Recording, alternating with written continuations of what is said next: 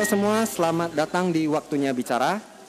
Hari ini kita ada satu tamu, dokter muda yang masih bekerja di rumah sakit swasta di Medan. Boleh dikatakan dia ini salah satu dari pejuang garis depan ya kalau kata anak-anak muda sekarang ya yang populer di sosial media eh, penanganan COVID, pasien-pasien COVID. Nah, harapannya sih setelah sesi rekaman dengan dokter ini kita itu sebenarnya belajar banyak hal tentang uh, awareness soal menghadapi masa pandemi di era new normal ini. Karena uh, pengalaman dia, terus cara pandang, cara pikir dia, cara dia lihat uh, ketika penanganan di lapangan, lalu uh, dengan fakta di lapangan yang kita bilang yang terjadi ternyata sangat bertolak belakang gitu. Jadi mudah-mudahan sesi hari ini bisa membuka wawasan kita dan kepedulian kita supaya lebih serius ya meng, uh, meng, menghadapi pandemi inilah kita bilang. Oke, langsung saja. Please welcome Dr. Fiona Favela. Halo. Oke. Halo Bapak Wisli. Waduh, terima kasih saya dipanggil Bapak saya. Aduh. Jadi saya panggil apa nih? Dokter atau Fiona atau Favela? Fiona aja. Fiona aja Fiona ya. aja. Boleh, siap siap. Oke. Jadi Fiona, eh, Hmm. coba dong jelasin lebih ringkas gitu. eh, maksudnya tentang diri lu deh, CV lo gitu, biar nanti teman-teman yang mendengar ini bisa lebih ngerti nih. Siapa sih si Fiona ini di waktunya bicara ini? Eh, tentang diri sendiri ya. Ya, Eh, membanggakan diri sendiri lah Membanggakan gitu. diri sendiri. Iya. eh, halo, saya eh, saya Dokter Fiona. Eh, saya bekerja di salah satu rumah sakit swasta di Kota Medan. Hmm, ya itu aja sih. Apalagi yang mau dijelaskan? Ya mana tahu. Lu udah, lu kan termasuk eh, kategorinya dokter muda ya istilahnya atau Bukan apa sih? sebenarnya ini mau dikoreksi, bukan dokter muda. Kalau di istilah kami tuh kalau dokter muda itu dokter yang lagi koas. Dokter yang lagi koas. Ah. Oke. Kalau lu- misalnya dokter yang maksudnya yang masih muda, Hmm. ya dokter yang masih muda, bukan dokter muda. Oh, jadi kalau lu beda berarti beda nanti istilahnya. Oke, kalau lu berarti istilah yang tepat buat Fiona ini apa nih? Dokter Dok, apa? dokter. Dokter, karena memang udah praktek ya. karena kerja memang kan? udah kerja, ya. Ya udah deh, langsung karena ini kan aku sengaja ngundang lu setelah lihat postingan lu beberapa hari yang lalu di Oh, iya, Instagram iya. Story. Oh ya. Aku rasa itu kurang banyak yang tahu perspektif itu. Makanya kenapa aku tes kan DM lu, diskusi sama lu. Jadi buat teman-teman yang nggak tahu di Instagram story-nya si Fiona itu dia sempat sharing soal tentang eh, masa pandemi. Tapi yang dibahas itu bukan soal angka atau soal yang biasa yang kalian lihat di media gitu. Eh, mudah-mudahan dari rekaman ini kita bisa inilah ya. Sesi bicara ini kita bisa belajar, teman-teman juga bisa tahu ternyata ini lebih penting perspektifnya gitu. Sebenarnya yang kemarin aku post di story itu, Ah, ah. itu juga banyak banget sebenarnya yang DM aku terus tuh terkejut loh. Terkejut kenapa tuh? Karena mereka tuh nggak nyangka sebenarnya tuh kayak begini rupanya ya keadaan Covid di Medan. Di Medan. Gitu. Gini, Jadi, Kak, aha, ah, terus? apa apa? Eh, gini soalnya mungkin supaya nggak terlalu jauh, Ah. eh, lu boleh ceritain sedikit lu nge-share apa sih di IG story lu Apa? itu sampai lu nge-share apa di IG story lu Oh, ah. sampai teman-teman lu banyak yang DM itu. Kemarin tuh aku sebenarnya sempat cerita-cerita kan biasa ya kalau habis dinas tuh aku cerita-cerita sama teman-teman deket Oke. Ya, cerita tentang kemarin kebetulan ada pasien yang meninggal gitu tentang covid gitu terus aku cerita aku sedih loh gini-gini ini pasiennya padahal masih muda suaminya juga masih muda eh, terus beberapa hari aja udah meninggal gitu terus eh, di capture sama eh, teman-teman aku terus di share di story mereka gitu loh. Terus kata mereka eh, banyak banget DM yang masuk ke mereka tuh nanyain eh, ini tuh kasus apa kok bisa di rumah sakit mana dan sebagainya dan sebagainya dan mereka itu semuanya terkejut gitu kalau misalnya ternyata bisa ya sama orang muda gitu ternyata bisa secepat itu ya sakitnya gitu. Oh ini kebetulan case yang lu contohin cerita itu mas, usianya masih muda ya kita bilang ya. masih sekitar 30-an lah masih Ya tergolong 30-an muda lagi Iya, lah. iya, iya, masih Hmm, muda, bener kan? makanya Hmm. masih muda. Maksudnya bukan yang masih 20, udah Iya, iya. 30-an tapi termasuk muda kan. termasuk muda Iya. karena kan mungkin di perspektif orang sekarang ya misalnya nih gue dari kalangan umum gue berpikiran eh, rentan itu di usia seperti yang dibilang pemerintah 60-an ya atau 60 ke atas 70-an, ya udah 60 ke usia lansia kan. nah Iya. yang cerita lu malah hari ini 30-an itu udah termasuk Be- muda Iya, gitu. makanya setelah aku share eh, mereka tuh kayak eh, di, mereka tuh jadi teman-teman aku tuh kayak bilang eh banyak banget loh yang DM aku terus nanya-nanya gini lu mesti share lebih banyak lah gitu Iya. kata mereka kayak gitu Nah, cuman kan cara jabarin lo itu yang menarik itu soal eh, ronsen paru-paru atau apa sih istilah yang tepat? Radiologi ya, Ro- itu ya. chest X-ray ya radiologi ronsen paru-paru lah Ronsen bener-bener paru-paru ya, ronsen kan. dada Nah, ronsen dada itu dari sana eh, jadi sebuah parameter ini orang COVID atau gimana? karena atau gimana? iya detailnya? karena gini sih eh, tujuan aku share itu sebenarnya apa karena kalau misalnya kita ngomong ngomong aja gitu kita ngomong sama orang eh hati-hati loh kalau misalnya covid tuh nanti dia bisa bikin paru-paru lu jelek bisa bikin lu sesak nafas kalau lu sial gitu. Kalau misalnya lu bagus-bagus aja ya paling cuma batuk-batuk flu biasa kan yang dianggap sepele gitu. Makanya eh, tapi karena orang-orang di luar sana itu nggak banyak yang ngelihat dia kan nggak ke rumah sakit. Dia kan nggak ngelihat langsung ke rumah sakit. Sesak nafasnya itu emangnya gimana sih? Seberat apa sih? Gitu loh. Paru-parunya jelek itu emangnya mana? Buktinya mana? Karena Ya. aku banyak baca di akun-akun ya akun-akun gitulah ya. Akun-akun banyak tuh yang maksudnya kayak ah bohong eh, mana ada? Kalau memang ada coba buktikan. Kayak begitu. Coba dikasih lihat dong mana tuh yang sesak nafas dan segala macamnya.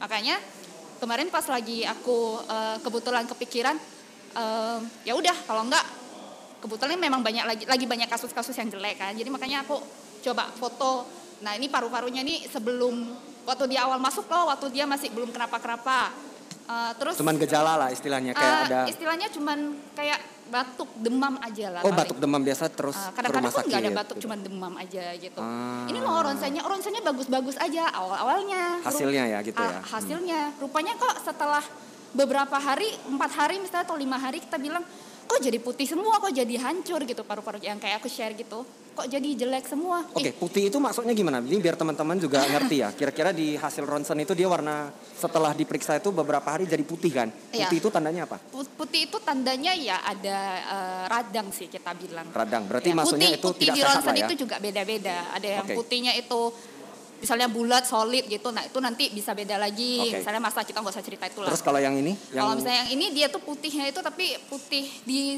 biasanya dua-dua lapangan parunya itu Oh, dua-dua. itu tandanya apa tuh? Kalau putih yang seperti itu? Kalau dia dua-dua kayak begitu rata gitu itu biasanya arahnya kalau misalnya masa sekarang sih kita curiganya ke radang paru-paru pneumonia. Tandanya klinisnya kan pneumonia. Ya, Oh, gitu sebenarnya ya? memang paling bagusnya itu CT scan.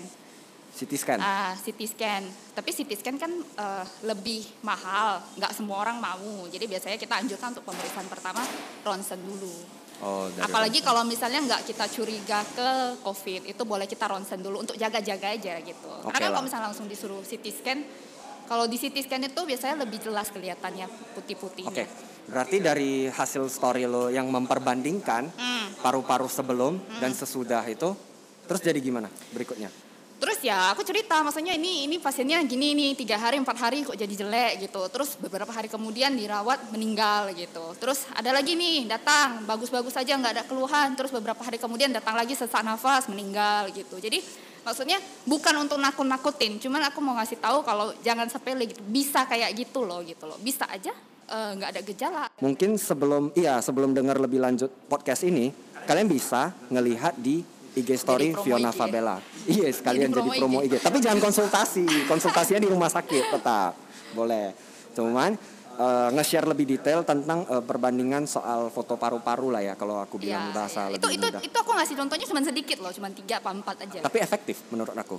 Kalau enggak kan aku nggak kepikiran kan milih elu kan untuk Ya, datang. ya memang misalnya. yang aku pilih ya memang yang jelek-jelek karena itu yang kelihatan gitu Tapi kan. itu yang paling efektif. Iya, biar iya, awareness iya, iya. orang itu Iya, benar. langsung ngerti. Oh ini nggak boleh sepele. Kan tujuan Iya. lu nge-share itu kan? Iya, biar- Tujuannya kan? Ya biar nggak sepele lah. Biar nggak sepele itu. Oh minum dulu dok. Minum Oh, iya, dulu. nggak Silakan dok diminum dulu. Kenapa memilih ice black currant tea? Nggak, kayaknya itu yang paling menarik. Oh ya, Ya. karena biasa narasumber di sini itu milih yang panas ya. mil- bukan milih yang panas, maksudnya minum minum kopi. Emang lu nggak peminum kopi Oh gitu? enggak, oh lagi enggak karena lagi ma. Oh lagi mah. Oh dokter juga bisa Oh, sakit ya? dokter itu ternyata ya? orang. Oh iya iya iya, betul ya. Kamu pikir dokter itu apa? Iya, saya kira kan mana tahu dokter kalau sakit kan dia cepet tuh Oh, penanganannya, iya. menangani diri Jadi sendiri. begitu mah langsung wah hajar ya obat-obat. ya, bisa, Ternyata nggak seperti itu Bisa ya? juga, ya. Iya iya iya. Aduh kacau kacau ke mana-mana kita bahasannya. Jadi sebenarnya kalau bicara soal pasien COVID di tempat lu sekarang rumah sakit, lu udah ketemu berapa tuh pasiennya? Yang dari pengamatan lu deh gitu. Aduh, nggak tahu berapa ya. Banyak lah. Dari bulan 3 sampai sekarang. Itu udah, Udah bulan, banyak lah. 4 bulan. Itu kasus aja di Medan udah berapa banyak? 10 ada nggak? 10 lebih. Lebih itu berapa? Kira-kira kisarannya? 100. Yang maksudnya yang Di rumah sakit lu aja. yang rumah sakit kan kan ada yang datang periksa terus eh, nggak kenapa-kenapa terus dipulangin. Oh, kan nggak semuanya dihitung. semua asal covid dirawat kan Oke, enggak. oke, oke. Ya udah deh, gini Yang deh, Kayak, kayak eh, gitu nggak kita itu. Setelah lu jumpa dengan mereka, Hmm. walaupun itu positif atau negatif hasilnya, tuh lu kan udah empat bulan nih ngelihat hal-hal seperti ini. Kita kan enggak, kita kan Hmm. Empat, lima, WFH doang. tujuh, oh ya. Kita kan WFH Ah, ah. doang di rumah Ah, atau misalnya pokoknya kerjaan yang bukan kita ngelihat pasien Covid deh, Ah, suspeknya. Yang lu rasain apa sih setelah lu lihat orang-orang ini? Maksudnya yang dirasain lihat pasien atau Ya lihat pasiennya lah. Kan itu kan sesak nafasnya kan karena nggak bisa direkam visual dan sebagainya sebenarnya kan Ya, menderita tuh. menderita dong. Sebenarnya gini sih, eh, banyak sih yang sebenarnya datang tuh keluhannya itu nggak ada. Eh nggak ada, bukan nggak ada sih. Maksudnya keluhannya minor lah. Sehat-sehat ya tamp- Eh, tampaknya eh, ya gitu. ya. batuk-batuk lah atau misalnya demam, demam, demam gitu. Misalnya demam-demamnya tiga hari, empat hari, seminggu gitu. Terus batuk-batuk ya stok sampai di situ aja gitu. Oke. Nah, cuman ya ada juga walau ya ada juga gitu eh, yang sesak nafas gitu. Sesak nafas, terus eh, sesak nafas terus makin hari makin nggak makin jelek makin jelek ya lama-lama ya jatuhnya ke perburukan terus meninggal gitu. Ada juga kayak begitu gitu. Oke, Cuman jelek- memang kalau ditanya mayoritasnya mayoritasnya itu memang gejalanya ringan. Makanya itu yang perlu, perlu ditekankan. Maksudnya bukan semua yang kena COVID itu langsung eh, langsung pasti sesak nafas langsung eh, meninggal Oke. gitu. Malah gejala ringan gitu. itu seperti contohnya tadi batuk. demam, batuk, eh, pilek, sakit tenggorokan. Sangat biasa sekali sangat sih. biasa sekali, sangat biasa sekali. Makanya orang-orang tuh anggap ya itu kayak flu biasa gitu loh. Dan memang ban- dan banyak yang maksudnya kayak, oh aku kena covid aja, maksudnya biasa-biasa aja kok nggak ada masalah, nggak nggak berbahaya gitu. Tahu-taunya Tapi setelah diperiksa Bukan itu, eh itu mayoritas tapi bukan semua kayak gitu. Ada juga yang Oke. jelek ada. ada yang langsung jelek. Ada yang langsung jelek ada, ada yang nggak kenapa-kenapa langsung jelek ada gitu. Jadi Oke. jangan sepele. Intinya kita nggak bisa sepele banget sih. Maksudnya dengan apa yang sudah terjadi demam aja kita hari ini itu kita udah Kita harus ya kalau kita demam kan ah, ya udah demam minum uh, panadol tidur ya kan besok kan sembuh gitu kan. Paling gitu aja kan pikiran Iya, kita kan. benar. Hmm. Uh, terus ada juga yang bilang ah senga- uh, padahal aku cuman maksudnya cuman batuk flu biasa langsung dibilang covid gitu. Padahal kan di zaman sekarang semua yang mengarah ke arah ke sana demam-demam aja ya kita boleh curiga ke covid. Itu memang nggak salah gitu. Memang itu jalan eh, itu memang apa ya eh, itu memang standar prosedurnya gitu. Kalau memang ada gejala yang mengarah ke ISPA ISPA itu is- eh, infeksi saluran pernafasan atas ISPA itu ya kita boleh curiga ke COVID, boleh kita anjurkan pasiennya untuk misalnya rapid test, kayak kayak gitu boleh. Jadi Sudah bukan boleh, oke. bukan eh, kan orang tuh suka bilang ah sedikit-sedikit disuruh rapid gitu kan, sedikit-sedikit disuruh rapid itu sebenarnya enggak, itu kan cara kalau misalnya ada keluhan yang mengarah ke situ baru kita anjurkan. Ya, karena kalau di kondisi seperti sekarang yang belum ada vaksin, sebenarnya pengenanganan apa itu juga harus cepat kan untuk menolong si Iya, nyawa itu tujuannya kita suruh periksa dan segala macam kan demi siapa? Demi pasien Iya. juga kan. Bukan untuk kayak perspektif. Tapi ini memang eh, si malakama ya kalau aku bilang ya. Buah si malakama. Iya, karena kita di Indonesia eh, pendapatan per kapita Iya, benar, kita juga benar. mengaruh. Iya. Jadi hal-hal seperti ini jaminan kesehatan juga saya belum bilang sangat maksimal lah ya Iya, di iya. Indonesia, masih progres. Tapi hal-hal seperti ini yang membuat negara berkembang ini mengalami ini pertimbangan ah gila gue ngetes ngetes ini semua kan duit Iya semua benar tuh. sih, benar ya. Itu Terus kalau gue satu juga. keluarin ini besok aku makan apa misalnya kan Iya, dia iya. mikirnya masih ke sana gitu. Itu yang menjadi ya polemik lah kalau kita bilang. Tapi Iya. kita nggak akan bahas sampai ke sana. Kita akan lebih bahas fokus ke awareness orang karena tujuan hari ini kita pengen eh, semua orang itu setelah mendengar jangan sepele. Dah itu doang Udah sampai ke mana-mana ya. Iya, iya. Iya. Oke. Jadi lu sebagai dokter lu pakai APD? Pakai dong. Ya kan nanya dulu. Iya, iya. Jangan nanti Kan pulang-pulang saya gejala datang ke sana gitu. dengan kayak gini. Gimana sih rasanya pakai APD? Eh, mau nyoba? Kenapa saya yang ditanya? Saya nanya gitu maksudnya rasanya karena saya nggak tahu kan. Nah, Saya ya makanya harus mencoba dulu baru bisa tahu rasanya pakai APD itu kayak gimana. Oh iya benar juga ya harus aku, coba aku ya. ada stok di rumah mau kalau mau aku sewain deh. Sewa, kan bagus sewa. tuh buat konten konten Instagram gitu enggak ya? Konten Bagus. apa? Mana tahu kan biasa Hai, kan kita kan cara pemakai APD gitu. Iya, iya, enggak ya? usah. Eh, emang rasanya gimana sih sangat ini ya sampai lu Ah. nawarin gue itu berarti kayaknya nggak enak banget ya atau gimana? Kan ada lihat fotonya kan? Ada. kan. Eh, ya pakainya itu ya berlapis-lapis. Lu gini, orang awam aja disuruh pakai masker yang satu lembar kayak gini. Oke. Itu aja kan susahnya bukan main. Ya Ya, nggak nyaman gitu gitu. eh, susahnya bukan main, nggak nyaman, mengurangi ruang gerak dan sebagainya dan sebagainya bisa dibayangkan eh, udah pakai mas udah pakai masker ini pakai sarung tangan pakai eh, cover all pakai cover all yang hazmat itu pakai cover Hazmat, all ya. hazmat terus pakai Google pakai eh, penutup pakai penutup kepala pakai Google kadang-kadang pakai face shield eh, pakai boots itu lu gimana sih napasnya ada tabung oksigen ya di dalam? bentar ya Nggak, gue nanya soalnya gue nggak tahu kan isi apa ya menurut lu Jadi nggak ada, lu napasnya gimana? lu kan ses- manusia juga. sesak sebenarnya. Apalagi kita kan bukan pakai masker yang kayak begini doang, kita masker pakai yang N95 itu. Yang bulat, yang mangkok. Wah gila sih kalau yang N95 lu, lu itu pernah pakai yang itu? pernah Nah, dan itu itu luar biasa kan? Itu Oh lu sesaknya. pakai masker yang gitu? Ya iya. Kalau- Kan nggak mungkin pakai eh, yang kayak begini aja kalau misalnya di rumah sakit apalagi kalau misalnya pasiennya positif gitu. Lebih riskan lah. Kita kan perlu proteksi diri. Iya. Saya setuju sih proteksi itu penting karena kan juga jumlah korban yang dari kalangan dokter kita tahu Oh, dari tenaga iya. medis juga ternyata nggak main-main ya jumlahnya ya. Jadi ya tentu mesti pakai APD. Itu kan pakai yang mangkok itu. Itu sesak banget loh sebenarnya. Iya. Nah, kalau aku kadang-kadang naik tangga tahu. aja pakai itu aja aku bisa kayak ngos-ngosan itu panas banget belum lagi kalau lumayan kalau ada AC kalau nggak ada AC wah Ya karena di dalam APD itu kan emang AC bisa masuk. Udara luar masih ya tapi masuk. setidaknya di muka kan masih ada sedikit sedikit angin anginnya lah Oh, ya, angin-anginnya ya, Iya. enak-enak dikit ya di. Waduh, kacau kacau kacau. Ternyata setidak nyaman itu ya Se- si APD ini. pasti nggak nyaman makanya terus meriksa pasien juga udah nggak bisa bare hands kan Karena lebih karena gampang kan pa- bare kita kan hands ya. pakai ah, sarung tangan itu kan pakai dua lapis sih minimal Jadinya Jadi kalau misalnya periksa pasien juga nggak bisa. Kalau misalnya pakai tangan tangan sendiri kan misalnya lebih sensitif, lebih bagus gitu. Lebih enak Oh. meriksanya. Kalau ini Iya, meriksa iya. pasien juga jadi kayak terbatas gitu sih. Itu sih kekurangannya. Tapi mau Tapi tidak ya mau mau, tidak mau ya. ya kan daripada kita yang terinfeksi kan resiko. ya aku setuju sih. Cuman ya memang banyak keterbatasan tapi juga di sisi lain juga kamu harus Ya itu mau tidak mau memang. Ah. mempertimbangkan ini ya. Jadi lu sebagai dokter nih, terutama empat bulan lihat fenomena ini yang sebenarnya yang menarik ini sebenarnya orang-orang yang di luar rumah sakit. Hmm, ya. Lu kan pasti kerja nih ke rumah sakit dari rumah pulang. Ya. Lu ada- masih ada aktivitas di luar nggak sih? Jarang. Jarang lah ya. Paling- Kecuali demi podcast ini. Oh ya. iya luar biasa. Iya, Demi luar podcast biasa. kan harus sih Ya, perjuangan. karena awarenessnya Oh iya, iya teman-teman benar benar pendengar, luar biasa. iya kan? Nggak eh, paling nggak nggak ada sih jarang lah kalau paling paling grocery shopping sekali udah gitu doang. Oke, jadi sebenarnya lu gelisah nggak ngelihat? Nah nggak usah jauh-jauh deh, lu bilang lu grocery store aja. Gue gue rasa kayaknya ada nggak selalu pengen cerita. Ada yang lu rasa gimana sih? Yang setelah lu lihat ini nggak bener loh sebenarnya gini-gini. Ada contoh-contoh simpel gitu. Kalau di grocery store sih rata-rata kan karena kan grocery store kan wajibin masker. Iya, Ya itu masih oke lah. Masih oke. Yang kadang-kadang kita naik mobil gitu kan terus kita lihat, wih warung ini luar biasa padet. Oh warung pinggir jalan. Iya ya, warung pinggir bilang ya? jalan misalnya.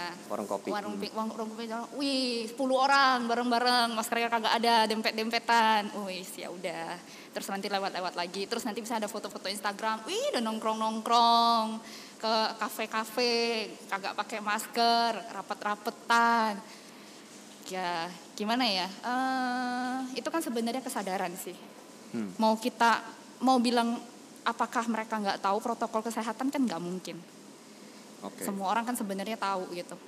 Cuman mau nggak mau aja kan dijaga kan masing-masing Iya. gitu. Protokol kesehatan juga saya lihat sih termasuk di sosial media, di tempat-tempat juga. Kayaknya udah udah ya. semua lah mau di sosial media, mau di mau masuk kafe, mau dimasuk di mana aja pun pasti kan ada ditempel, dilarang begini-begini, jaga physical distancing. Kayaknya di mana-mana tuh kayak begitu. Ya, tadi kalau kamu masuk ke Oh, di sini di sini iya, kan juga kan iya. sampai di termogan segala Iya, macam mm-mm. wajib make- pakai masker Wajib pakai juga. masker ya kan. Terus Karena memang di sini ketentuannya yang saya tahu ya, eh, kalau lu nggak pakai masker lu nggak dikasih masuk sebenarnya. iya iya memang makanya. Gitu. Karena Emang harusnya tim tim kita ini ini ini bukan karena ngendorse ya, tapi tim kita itu kemarin ada yang lupa bawa masker, dia pulang karena nggak dikasih. Kan nggak mungkin kita minjamin masker kan gitu. beli lah ya. Ah, Ah. Jadi memang eh, kesadaran itu juga dilakukan lah di Keset- hal-hal. ya. Aku yakin di restoran lain juga sapa. Semua rata-rata kalau menurut aku pasti udah nerapin protokol lah. Kalau Nerapin protokol, protokol. kesehatan. Tinggal di kitanya tergantung kesadaran. masyarakatnya aja gimana. Benar. Jadi balik lagi semua itu ya ke kita gitu. Ya balik lagi ke kita memang. Nah, tujuan Itu kita yang susah. Itu yang susah. Jadi tugas kita itu bukan mau nakut-nakutin kalian, tapi sebenarnya mau ngasih kalian awareness lebih. Ini loh fakta-faktanya, ini loh yang terjadi. Bahkan seiring waktu itu korban naik itu selalu terjadi. Iya. Ke- Kita nggak usah bicara sampai level nasional deh, ya kan? Nggak usah kita cerita Kita Medan cerita aja. Medan ya. aja itu eh, sebenarnya aku ngelihatnya ini pribadi ya. Hmm. Aku nggak tahu menurut eh, lu gimana ntar lu boleh jelasin lebih spesifik. Kita itu sebenarnya bukan kayak di masa new normal, lebih kayak ya belum ada pandemi gitu. Lebih Atau kayak udah bebas pandemi gitu. So normal kan. So normal. iya. kayak biasa aja Iya. kayak lu tadi bilang contohnya di warung kopi tidak ada physical distancing, pemakaian masker tidak ada. Padahal jumlah korban itu naik. Atau ada yang pakai masker, tapi maskernya itu gimana? Gini. Oh, salah penggunaan. Ya, saya udah benar belum? Pak? Oh iya benar benar benar. Sudah benar ya. Terima kasih loh. Nah, ya, Jadi- gesernya dia dari sini. Dasarnya Jadi sini. nggak ya? boleh pegang bagian depan sebenarnya. Nggak boleh pegang Iya. depan ya? Iya iya. Tapi ya pelan-pelan belajar namanya juga new normal. Iya, nah new tapi itu normal. balik tadi ke- kesannya itu eh, di Medan itu seperti before normal atau ya udah sama sekali normal lah gitu So normal bilang. lah sebenarnya udah. Korban jumlah naik terus. Nah makanya kemarin kemarin kita sempat singgung kan. Apa? Orang itu lebih cenderung ngelihat angka ini sebagai apa sih? Nyawa atau data doang nih tabel-tabel data Gini, gitu loh. makanya aku bilang orang orang orang kita itu uh, itu gimana? melihat angka-angka itu karena mereka lebih kesannya gimana ya? Mereka lebih kesannya itu angka-angkanya itu nggak percaya. Antara nggak percaya atau merasa angka-angkanya itu dibesarkan. Karena apa? Karena orang sekeliling mereka tuh mereka merasa nggak ada kok kalau memang angkanya sebesar ini kok teman-teman aku kok biasa-biasa aja kok nggak ada yang sakit kami semua pakai masker nggak pakai masker ke mana-mana kok nggak ada yang sakit gitu loh sehingga setiap hari angka itu semakin bertambah mereka juga merasa kayak ah jangan-jangan bohong gitu muncul curiga-curiga kayak gitu padahal sebenarnya coba deh ke rumah sakit Oh iya, kan lu Ah. di rumah terus atau Karena paling lu di rumah terus atau lu di Tempat umum iya, gitu lu ya kan? di tempat umum, lu di kafe, lu di kedai kopi, ya mungkin rezekinya ya memang masih sehat gitu, ya kan? Ya Coba jalan-jalan bersyukurlah gitu sakit kalau ya. masih sehat gitu. Iya, coba lu jalan-jalan ke rumah Coba- sakit baru jalan-jalan tahu. ke rumah sakit baru juga. tahu gitu. Maksudnya eh, satu jam aja, jangan satu jam deh, berapa ya? Eh, berapa? Ya ya bentar aja lah di situ, biar bisa tahu gitu Apa yang sebenarnya apa terjadi? yang sebenarnya ada gitu. Karena kan yang di rumah sakit kan nggak mungkin kita sebarkan keluar. Itu sih Ya, sebenarnya. dan juga memang eh, aku rasa sih gini, kalau ini gara-gara media atau apa saya nggak berani bilang, tapi Hmm. Memang kita selalu disuguhin dengan tap angka-angka terus gitu. Jadi ya itu yang menjadi polemik, tapi kita jarang meng-highlight apa sih yang terjadi di rumah sakit dan itu kan memang tidak di Ya itu memang nggak bisa kita nggak bisa kita infokan juga. Nah, kan. sementara masyarakat kita itu senang sama visual gitu. Contohnya podcast ini. Kan kenapa viewers di rekaman kita itu aku cerita ke lu kan. Nggak, Lebih tinggi daripada yang denger di uh, Oh, gitu. Spotify gitu. Oh. Padahal harapan podcast itu ya lu dengernya di Spotify. Mana ada sih yang podcast itu kan rekaman. kan rekaman. Ya. Iya, kalau bisa itu sebenarnya nggak ada visual, Ah, audio ah. doang. Lu pakai dua telinga lu gitu Hmm. ceritanya. Ya tapi itu yang terjadi karena orang masih lebih peduli visual. Tujuan kita simpel, kita mau apa yang kita sharing ini bisa menyentuh banyak orang, bisa menjadi sumber informasi alternatif di tengah banyaknya Iya, informasi iya, yang iya sih. muncul gitu. Iya. Nah, bicara soal kenaikan tadi kan boleh dibilang mau tipis-tipis atau nggak tipis-tipis saya nggak berani labeling lagi lah gitu. Tapi itu terjadi di apa eh, di Itali gitu. Kemarin kan eh, sempat ini kita bicara di bulan Maret ya. Jadi kemarin saya sempat iseng juga pelajarin ketika di Itali dia itu naiknya itu kan eh, sekaligus membludak puluh ribuan dalam satu hari loh. Terus besoknya lagi juga berlipat ganda segala macam. Beda dengan kondisi di Medan. Di Medan kan naiknya mungkin puluhan satuan awal-awal bulan 3 4 kemarin ya kita bilangnya. Jadi itu yang mungkin aku rasa orang lihat ah naiknya tipis-tipis. Iya. Mungkin beda iklim dan segala macam. Itu yang mungkin membuat orang merasa santai, nggak usah terlalu worry soal Covid ini. Nah, apa sebenarnya secara medis itu geografis atau demografi seperti ini emang ngaruh sampai kita itu memang sebenarnya kita itu lebih kebal. Kan kemarin sempat keluar tuh candaan-candaan kayak kita ini karena banyak makan micin Itu sampai itu kan meme. Nah itu meme, tapi itu yang jadi diserap dan diingat semua masyarakat. Akhirnya jadi sepele. Awal-awalnya sih seperti itu sih pada waktu maksudnya waktu baru-baru ada covid kan ada kayak Oke. teori-teori seperti itu. Cuman lama kelamaan maksudnya seluruh negara mau di mana pun itu juga kena gitu loh. Mau lu cerita iklim mau nggak cerita iklim buktinya di negara-negara tropis aja semuanya juga naik naik eh, angkanya gitu. Jadi kalau menurut aku kalau masalah demografis harusnya sih enggak. Cuman kenapa naiknya kenceng? Itu sih lebih ke jumlah testing lah Jumlah testing. Oh, wes. Gini, Nah, ini ada ada nih coach ya. Kalau lu nggak pernah kalau lu nggak pernah tes ya lu nggak akan pernah sakit. Oke. Benar nggak? Sama seperti apa medical check up biasa Iya. kan gitu. Lu nggak pernah tes dari mana lu bisa tahu lu sakit gitu loh. Sementara eh, kemarin sih aku baca ya kalau nggak salah di US, US kan lagi banyak-banyaknya juga tuh. Benar. Itu tuh mereka tuh satu hari bisa ngetesnya lima lima ratus ribu ya, Oke. Empat- sekitar gitulah beberapa ratus ribu. lah. 500 pokoknya Satu ratus hari, ribuan iya, ya, iya. dalam satu hari. Kalau di sini Ya. Indonesia atau di Medan gitu lu tahu nggak angkanya? Kalau di Indonesia kalau data-data yang dari gugus itu terbaru itu kalau nggak salah sehari mungkin 12 ribu, 13 ribu gitu. Jadi perbandingannya sangat Jadi perbandingannya berapa kali lipat gitu. Benar. Dan Itu memang yang- kita juga nggak maksudnya nggak membandingkan kita sama mereka gitu karena mereka kan negara maju, maju, kita negara eh, berkembang lah. istilahnya. berkembang. Jadi otomatis fasilitas kesehatan mereka juga pasti lebih bagus. Ya, tapi itu jauh dari- lebih maju daripada kita. Tapi aku setuju benang merahnya itu mungkin biar teman-teman bisa paham itu Ah. ya karena kita nggak pernah testing sesimpel itu. Jumlah tes kita itu sangat sedikit dibanding dengan mereka. Makanya kita juga nggak tahu sebenarnya jumlah, jumlah, tes kita korbannya. sedikit karena kapabilitas kita tes juga sedikit kan namanya itu Benar. kan anggaran Ya. ya kan itu Oke. itu juga jadi kalau misalnya dibandingkan sama US atau Italia kurasa kayaknya nggak apple to apple lah nggak Nggak apple to apple. nggak nggak Oke. nggak sebanding gitu Karena mereka jumlah testingnya lebih banyak, makanya Karena jumlah bisa lebih banyak dan mereka lebih ya. maju gitu. Kita juga maksudnya bukan, kita juga sebenarnya udah naik sih. Awal-awal ingat nggak kita ceknya cuma sehari paling berapa berapa puluh Oh berapa iya ratus. tuh semua kalau nggak salah yang di ratus. daerah harus ke pusat lagi ah. semua testingnya. Dulu di Medan juga kalau misalnya mau eh, ngirim sampel itu mesti ke Jakarta. Karena Kalau di sini nggak ada. Sekarang di sini udah ada.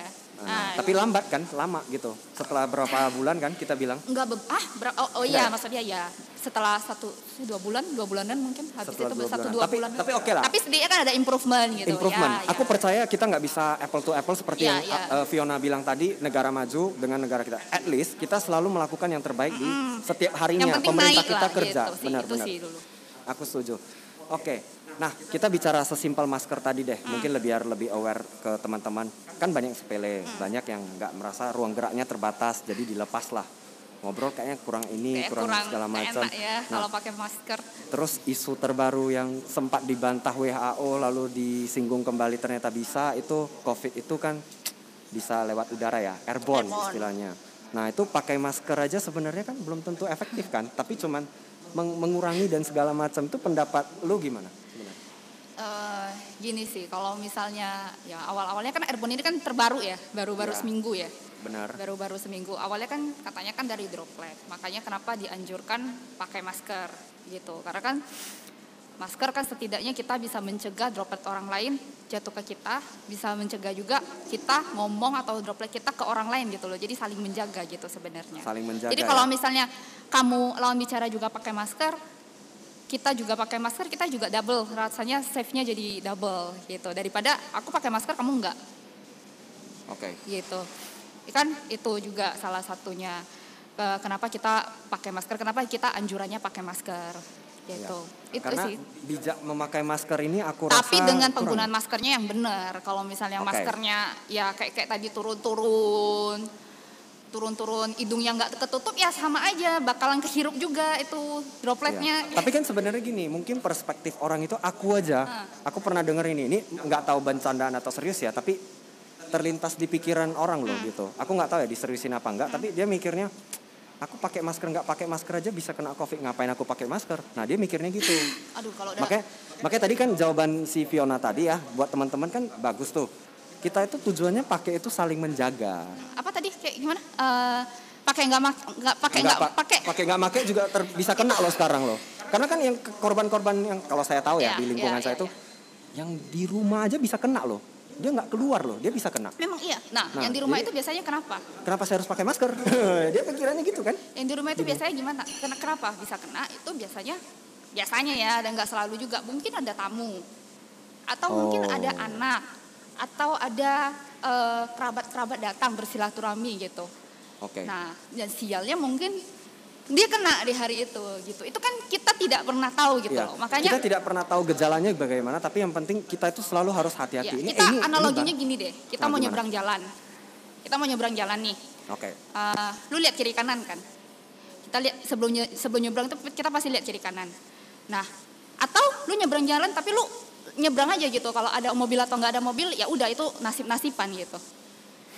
Ya pasti lihat dulu. ya pasti lihat dulu kanan. kan kiri kanan kan. Maksudnya kan ya kita jaga gitu loh. Kalau misal ini eh, sama kayak pakai masker gitu loh. Kita pakai itu ya kita menjaga gitu tindakan preventif sih namanya. Itu itu kan maksudnya kan namanya manusia kan mau safe gitu. Iya, Eh, memang nalurinya itu sih. Eh, maksudnya kita kan mau mengur- kita kan semua pasti takut mati Iya, lah ya. kenapa kita harus umumnya. berpikir aku pakai masker nggak pakai masker ah sama aja lah kalau memang mau mati juga mati juga kok di mana aja juga bisa mati gitu. Itu kan Hmm.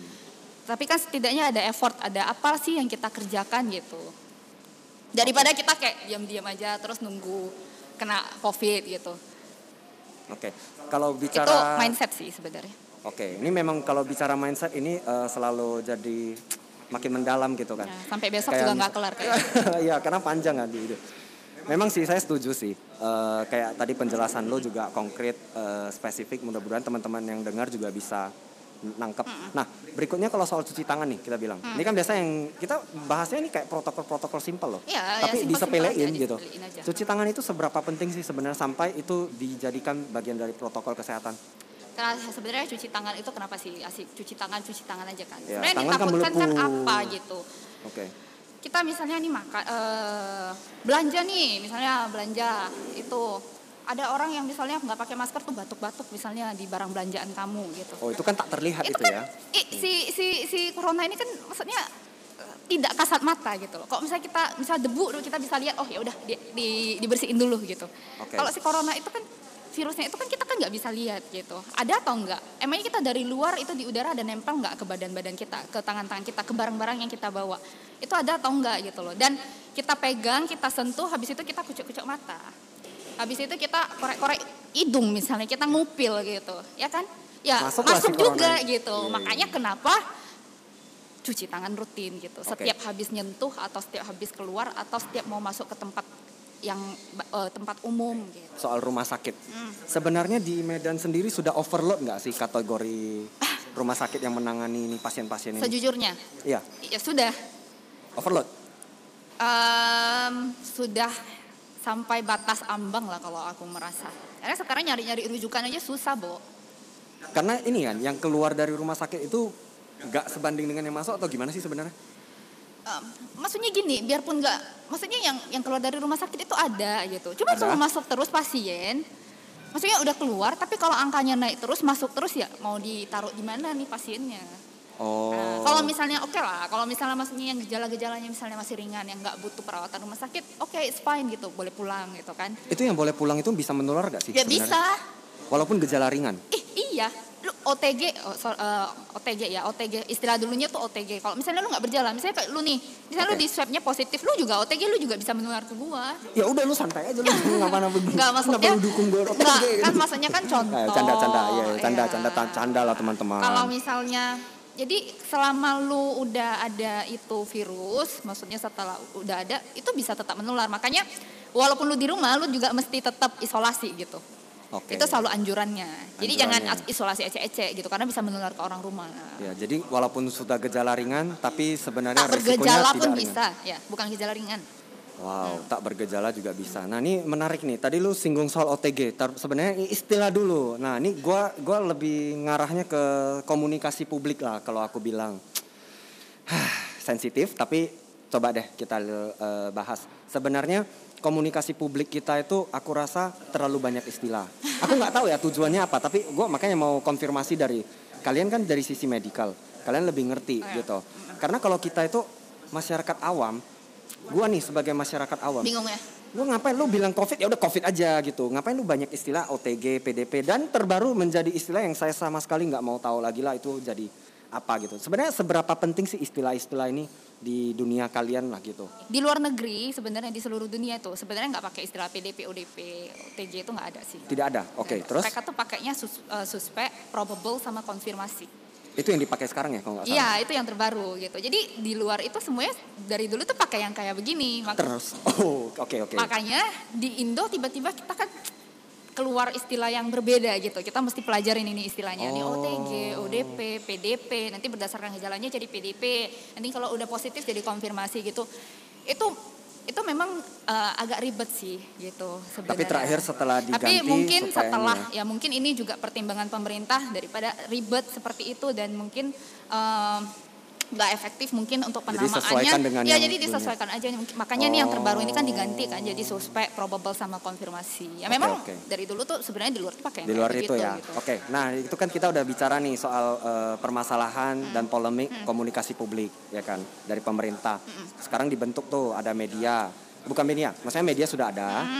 Diperkuat informasinya, penyebaran informasinya lebih hati-hati dalam mem- membagi informasi soal Covid. Aku lihat ada juga pembentukan gugus tugas gitu ya kan. Bahkan sampai setiap daerah Iya, juga sekarang iya. sudah punya termasuk di Sumatera Utara ya ada. kita punya ya. Nah, ada nih satu yang paling menarik sebenarnya menurut saya, menurut saya pribadi ya teman-teman, berita di grup WA, di grup WhatsApp. Oh iya. Nah, di grup ini lebih cepat, Oh iya, lebih bisa dibilang eh, dikonfirmasi kebenarannya kayaknya lebih kuat dibanding yang dibilang sama gugus media atau media official lah kita bilang. Hmm. Karena gini, kalau misalnya ada yang misalnya cuman dia sukanya di berita WA karena gampang Ya, di ya share baca orang kan, aja. Hmm. baca WA aja, dia nggak akan konfirmasi dari yang lain. Nah maka apa pun yang di share di grup WA, dia pasti percaya ini sudah benar. Walaupun nanti belakangan muncul lagi, eh ini hoax ya atau segala macam. Tapi orang sudah teringat Heeh.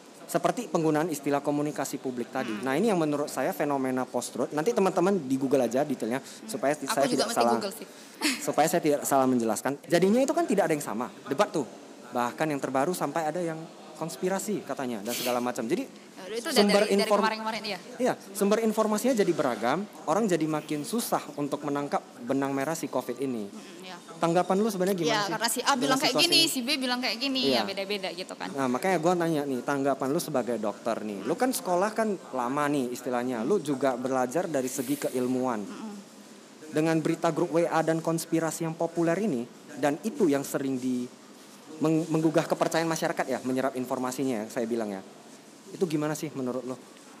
Em, sebenarnya kan masal gini sih kalau di era sekarang ini kita itu kalau misalnya kita nerima kita telan bulat-bulat semua informasi yang kita dapat itu tuh gawat gitu. Oke. kita semua informasi yang kita teri- kita boleh terima kita kita boleh terima informasinya tapi jangan lupa dicek dulu atau di eh, istilahnya dianalisis lah kita analisis ini yang kita terima ini benar atau enggak apakah cuma berita katanya katanya siapa yang ngomong seperti itu itu valid atau tidak valid Oke. gitu itu dulu kemudian eh sekarang ada Google, sekarang ada media-media eh, resmi di mana kita bisa cari informasi yang kalau misalnya kita pengen tahu gitu.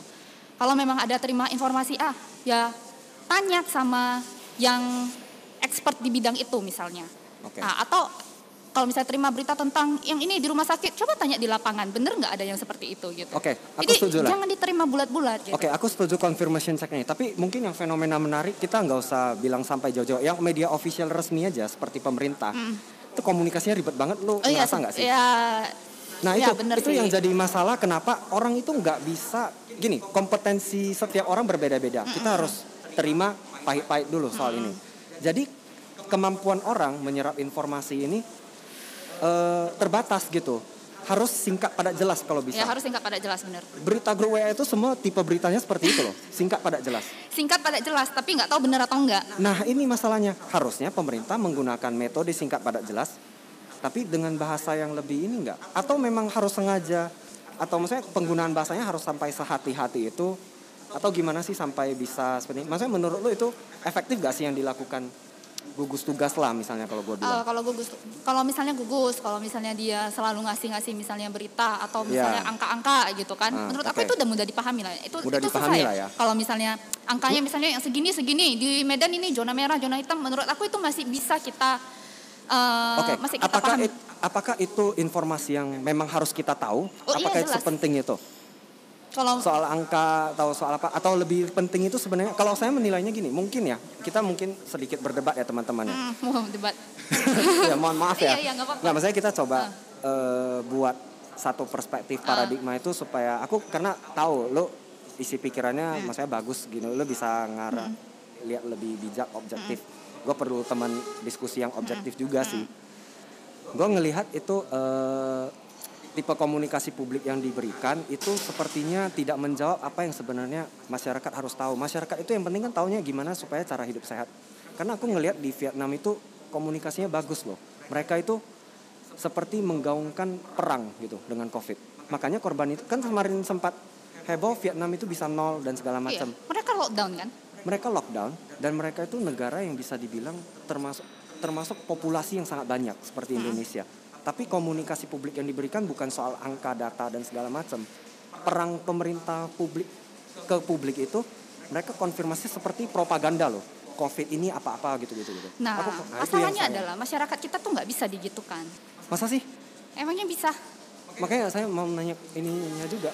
Eh, bahkan maksudnya udah dibikin kebijakan-kebijakan pun yang simpel-simpel aja sebenarnya masyarakat itu masih eh, rebel istilahnya.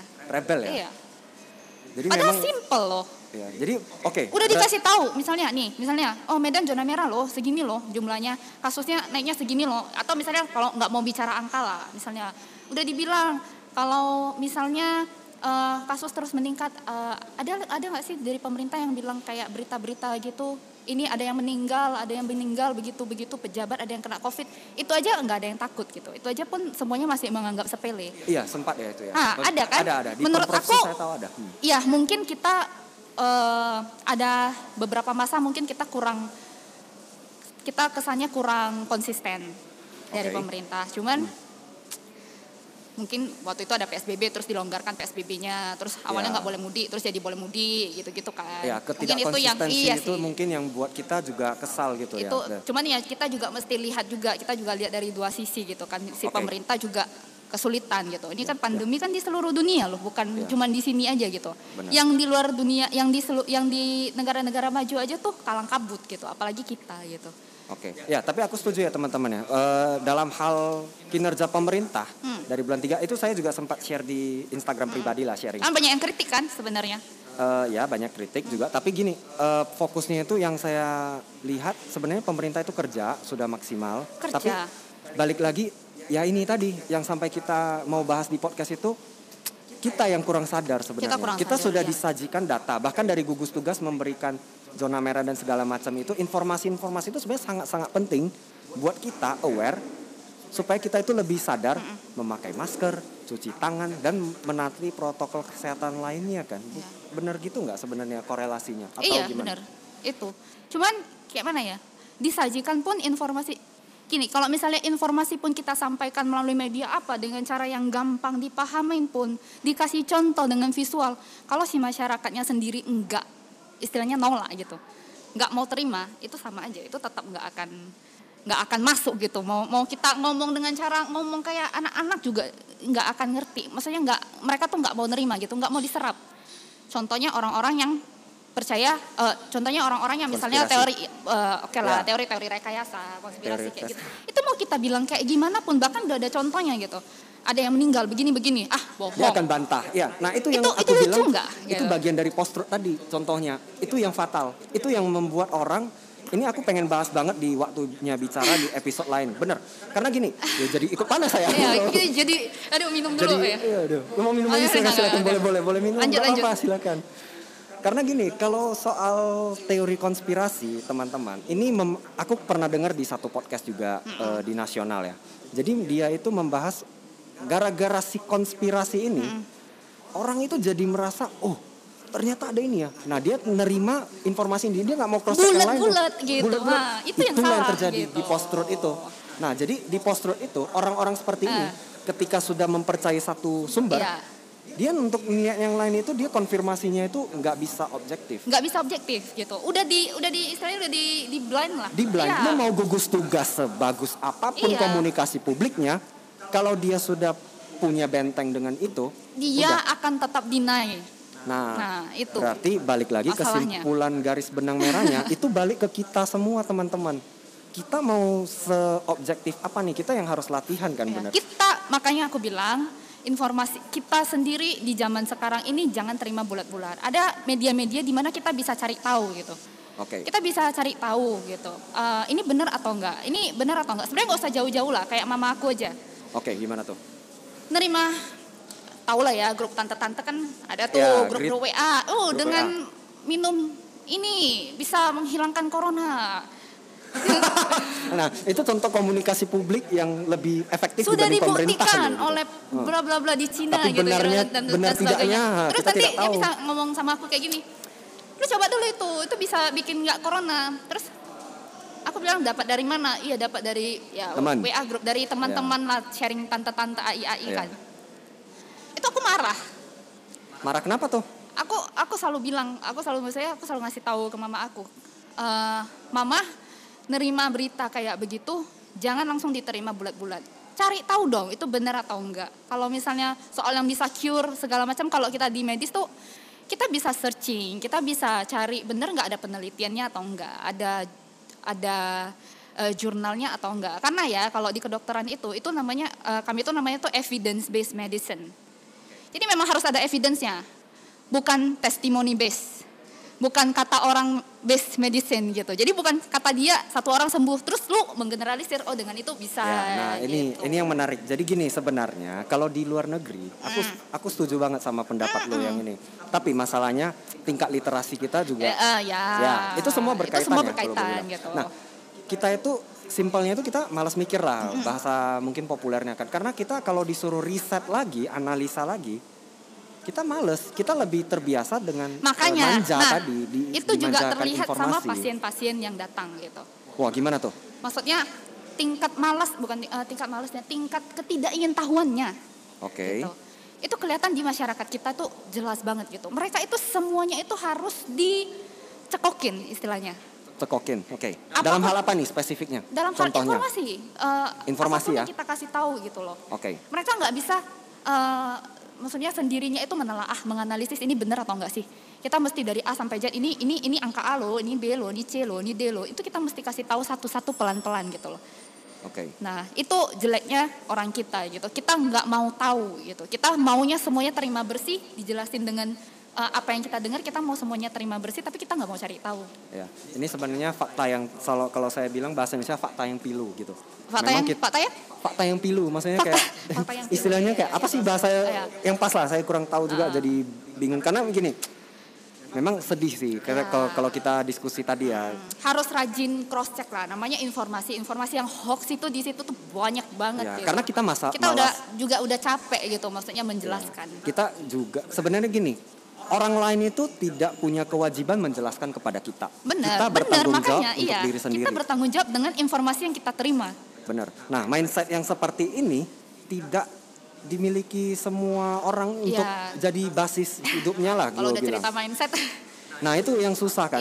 Karena gini, aku tujuannya bikin podcast ini pengen nge-share soal mindset-mindset ini beragam jenis perspektif, bukan untuk menyanggah atau membenarkan Iya, atau iya. menyalahkan enggak. aku Tapi ngerti juga aku pengennya itu kayak yang Fiona tadi mention sih, orang bisa konfirmasi, belajar untuk berani memulai konfirmasi informasi. Jangan terlalu menerima bulat-bulat. iya Karena satu sumber yang kamu lihat itu juga belum tentu, termasuk ya podcast ini misalnya. Lu denger informasi dari iya lu mau cross check kita, silakan gitu lu harus cross check juga mana gitu. tahu aku ngomongnya salah ya aku kan nggak tahu juga mungkin bisa aja Iya. ya kan silakan cross check sama apa kayak mbak Google kayak sama teman-teman dokter yang Nah, lain kayak proses mencari di Google itu orang malas, orang lebih labeling ah lu sok tau lah. Lu emang pengalaman lu di dokter apa? Pasti kan lu gitu-gitu gitu gue iya gitu. iya cuman ya Nah, itu yang sebenarnya menurut aku sedih, tapi ya balik lagi pekerjaan dokter itu aku yakin sebagai pengabdian lah ya, bentuk pengabdian juga. Jadi ya, itu masa sekarang sih sebenarnya em, edukasi itu penting banget lah. Maksudnya kita terus-terus masyarakat tuh harus terus diberi informasi-informasi yang valid gitu, informasi-informasi yang Oke. Dan benar. gitu. memang tugas kamu, tugas saya Ya, ya, memang. tidak lelah-lelahnya untuk Walaupun lelah ya. walaupun lelah. tapi Iya, iya. tapi tidak boleh lelah. Iya, tapi kita tidak Iya. boleh lelah karena panggilan hatinya mungkin atau passionnya itu ya di ini Iya. Hmm. kita yang punya awareness ini kita yang kita yang harus ngasih tahu capek lah gitu. Ya, tapi kadang-kadang walaupun ada kata-kata yang menyakitkan hati, ada fitnah-fitnahan dan tuduhan-tuduhan itu juga Gerem juga ya? Oh, itu ya itu juga kayaknya Ya namanya manusia lah. namanya manusia gitu. Bahkan eh, bahkan ya kemarin kan ada eh, kadang-kadang bukan cuman ini orang-orang ini yang udah punya pemikiran post truth ya tadi Ya, yang cuman post-truth. terima bulat-bulat. Ya. Itu bahkan bukan cuman nggak bisa menerima informasi dari luar loh, bahkan informasi bahkan empatinya aja kadang-kadang pun udah nggak ada gitu. Contoh, contoh. Kemarin aku ada eh kemarin eh kemarin aku Sudah malam ya? Sudah malam enggak? Bercanda ya teman-teman ya. Kemarin aku. Oke oke, sorry. kemarin aku sempat lihat ada akun-akun gitu lah, biasalah akun-akun kedokteran gitu kan. Oke. Kan lagi banyak nih akhir-akhir ini dokter-dokter yang meninggal. Oke. Ah, tahu nggak di situ? Maksudnya yang ngepost, ngepost, ngepost, ngepost gitu, turut berduka cita gitu. Oke. Ada loh komen yang bisa bilang, ehm, emangnya tiap hari, eh emangnya, eh, sorry, setiap hari juga ada yang meninggal kok heboh banget sih? Oke. Ah, Ya ya, saya kayak- pernah dengar kayak- gitu. seperti itu ya. Eh, terus ada juga yang komen ya emang benar itu gara-gara covid misalnya kayak kayak gitu. Ya men- tapi itu ya mungkin bentuk konfirmasi juga sih sebenarnya Eh, kan cuman informasi. yang tadi sih misalnya eh, tiap hari juga ada yang meninggal. Oh terus ada yang bilang kayak gini lagi. Ini eh, akun kedokteran atau akun duka cita? Waduh. Ah. Waduh. Memang Mungkin menurut- aku menurut bias ini ya atau Oke. atau menurut kamu itu keterlaluan nggak? Oke, kalau menurut aku sih gini, kita karena terbiasa tidak bertanggung jawab di sosial media. Ah, kalau iya, gini coba, iya kalau juga, kita iya tatap juga, muka iya, nih, iya. ini nih, misalnya si netizen yang bilang tadi, lo itu akun duka cita kan? Pasti aku nggak berani tuh, orangnya nggak berani tuh. Iya iya. Satu sesi closing deh sebenarnya. Eh, menurut lo sendiri gimana nih cara pikir kita yang lebih ideal? Mudah-mudahan buat teman-teman yang mendengarkan juga sebagai pedoman buat diri kita sendiri menyikapi si, eh, sikap kita ini, maksudnya dalam situasi pandemi seperti ini dari informasi, menjaga kesehatan mungkin boleh dari Fiona. Eh, mungkin ya kalau dari aku sih em, ter- terlepas dari kita tuh percaya teori-teori konspirasi kah atau berita-berita yang ada covid itu nyata loh Oke. itu dulu Hmm. itu memang ada gitu dan kalau misalnya eh, ada yang pingin eh, ada yang nggak percaya atau gimana silakan deh kalau memang bisa cek coba ke rumah sakit. Gitu. Ya, itu satu. confirmation check lah ya kan. Ya confirmation check. Karena kan kita kan nggak bisa kan nggak bisa kita keluarkan kan ini orangnya gitu kan nggak boleh. Terus eh, itu memang ada gitu. Dan protokol prot- eh, dan kita tuh tinggal sebenarnya kita tuh sebenarnya udah tinggal terima bersih, udah dilakukan penelitian dari luar, kita udah dikasih protokol protokol, protokol ini dari pemerintah, kita cuma tinggal ngikutin aja gitu. Ya, Tinggal- itu salah satu bentuk yang mudah lah gitu. Iya, maksudnya tinggal yang gampang loh. Lu tinggal, eh lu tinggal tiga aja sih. eh, apa? Pakai masker, cuci tangan, sama physical distancing. Itu aja, cuman tiga itu aja sih yang diminta gitu loh. Untuk itu aja udah bisa prevent gitu. Oke. Itu tindakan preventif yang paling gampang yang bisa kita lakukan dan nggak cost. oh, ada, ada lah, mungkin beli masker lah ya, bisa eh, ini. Nah, masker Cuman- kain sekarang udah bisa. Iya, makanya kan banyak yang murah-murah juga Murah kan. banyak. Mm-mm. Eh, ya itu aja gitu. Itu coba dijalankan gitu loh. Ingatnya gini kalau misalnya pakai itu kita jangan selalu mengingatnya sama yang negatif gitu. Oh kalau misalnya aku pakai masker aku agak sesak deh. Kalau aku pakai masker nggak enak ah ngomong sama temen. Ingat yang positif positifnya kalau pakai masker you can protect your family misalnya. Lu bisa mencegah lu bawa virus ke rumah untuk orang rumah lu. Lu lu sebenarnya pakai lu sebenarnya pakai masker, cuci tangan eh, ataupun physical distancing itu untuk siapa sih? Bukan untuk bukan untuk orang rumah sakit, bukan untuk tenaga medis atau siapa-siapa, untuk diri sendiri loh sebenarnya. Untuk diri sendiri dan orang-orang yang kita sayang gitu. Jadi eh ya kalau misalnya melakukan itu untuk diri sendiri aja nggak mau ya apa boleh buat ya nggak bisa gitu. Dan kalau misalnya menerima menerima informasi eh, hoax hoax atau tidak hoax, eh, informasi dari mana dari grup WA, Instagram dan berita-berita yang lainnya. Coba di cross check gitu. Jangan ingat jangan terima bulat-bulat. Kita punya kapasitas untuk menganalisa. Ya, kita punya eh, kemampuan untuk menganalisa, kita bisa cek, kita bisa tanya, kita bisa tanya orang yang kompeten. kita bisa cross check lah bener atau enggak yang kita terima itu jadi jangan terima bulat-bulat karena kebanyakan itu nggak bener sebenarnya Oke. Jadi mungkin ini ya, aku coba sum up yang kita diskusi hari ini sampai debat sebentar yang Oh, di iya, iya. pertengahan tadi buat teman-teman pendengar. Jadi eh, paling pertama mungkin saya langsung highlight apa pun kepercayaan kalian dari sumber informasi apa pun mau dari media, gugus tugas, termasuk konspirasi. Covid itu ada, itu dulu yang paling Iya. penting. Kalau kamu tidak percaya silakan kamu ya udah ke rumah sakit lihat aja Ya, sendiri. kalau tidak ada tak mungkin lah seluruh dunia ini heboh Ya, kan, nggak mungkin apa? ngapain sih kita dibodoh-bodohin dengan sih kita sesuatu yang seluruh fiktif dunia ya gitu ini, ya. maksudnya seluruh dunia juga jungkir balik loh. Iya, jungkir balik sampai eh, soalnya ini permainannya sampai ke ekonomi ngefek Iya, bukan cuma masalah kalau misalnya cerita rumah sakit aja, ya mungkin bisa lah curiga-curiga. Nih semuanya loh, semuanya kena imbas loh. Kalau Ya, memang gini, kita memang palsu. selalu pasti ada yang bilang eh, kita mau buat sebaik apa pun. Aku pernah ingat Iya, kata-kata iya, iya yang sih, sesimpel benar, itu kan. benar, Mau buat sebaik apa pun, seluruh apa pun tetap aja ada yang aneh-aneh komentarnya dan segala macam. Kita nggak bisa memberun, maksudnya menja, mem, memban- apa ya, melindungi diri dari fitnahan-fitnahan atau kata-kata seperti itu. Yang bisa kita lakukan fokus pada diri kita. Ya udah kita go ahead aja. Lu tapi yang paling penting itu ya balik tadi di permasalahan ini, apa pun kepercayaan lu, lu nerima berita yang biasanya dari mana pun, lu harus percaya dulu Covid ini ada. Dan ini tidak main-main. Seperti yang di awal tadi sempat singgung, gejala-gejalanya itu sangat ringan dari demam, batuk, pilek, semua yang sangat kita lumrah gitu. Kalau kita biasa kena itu, ya udah kita mungkin ngambil obat biasa aja yang ada di rumah. Tapi kalau di situasi pandemi seperti ini kita patut curiga. Jangan terlalu eh, maksudnya ya kita boleh kita wajib takut lah gitu istilahnya. Karena ini menyangkut bukan diri kita aja, mungkin antibodi kita, daya tahan tubuh kita bagus. Tapi bagaimana dengan orang-orang yang di rumah kita? Istilahnya lu harus mikirin orang lain juga gitu kalau lu eh, ini ya maksudnya lu tinggal dengan orang lain gitu dalam rumah. Nah, dari hal seperti itu ternyata berdampak kepada spesifik di Medan dan di Indonesia itu sempat disinggung tadi karena jumlah tes kita sangat terbatas jumlahnya itu yang menyebabkan kenapa jumlahnya itu terlihat eh, tidak naiknya tidak se ekstrim di negara Italia tadi misalnya. Nah, itu jangan disalahpahami mudah-mudahan dengan konfirmasi tadi dari Fiona juga menjawab teman-teman sebenarnya ya ini karena jumlah testing di Indonesia sendiri mampunya segini beda aja. misalnya. Tidak apple to apple kita membandingkan dengan negara-negara maju. Berikutnya juga penanganan pemerintah kita lihat juga sudah semakin baik. Ya. walaupun komunikasinya sempat mungkin tidak tepat atau apa Ya. tapi kita tidak mau perdebatkan soal itu. Yang penting sekarang. Sekarang sudah menggunakan istilah yang lebih baik dan komunikasi publik yang tepat. Balik lagi apa pun bentuk komunikasi yang tersedia saat ini harus kembali ke diri kita sendiri nih sebagai netizen lah warga net lah kalau kita bilang. Karena kan di sini kita yang punya tanggung jawab sama diri kita sendiri kan. Kita harus berani cross check konfirmasi cek. Tadi sempat disinggung di eh, pembahasan tadi. Jadi mungkin yang bila- bisa saya simpulkan lebih sederhana kita itu jangan capek untuk mencari tahu kebenaran informasi.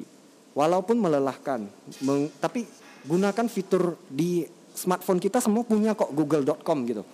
Kita harus berani ngecek percaya sumber-sumber dari eh, berita informasi yang kredibel lah kita bilang. Kan banyak tuh misalnya kita mention beberapa misalnya siapa ya media-media nasional pasti teman-teman tahu lah gitu. Kita nerima informasi dari sana aja.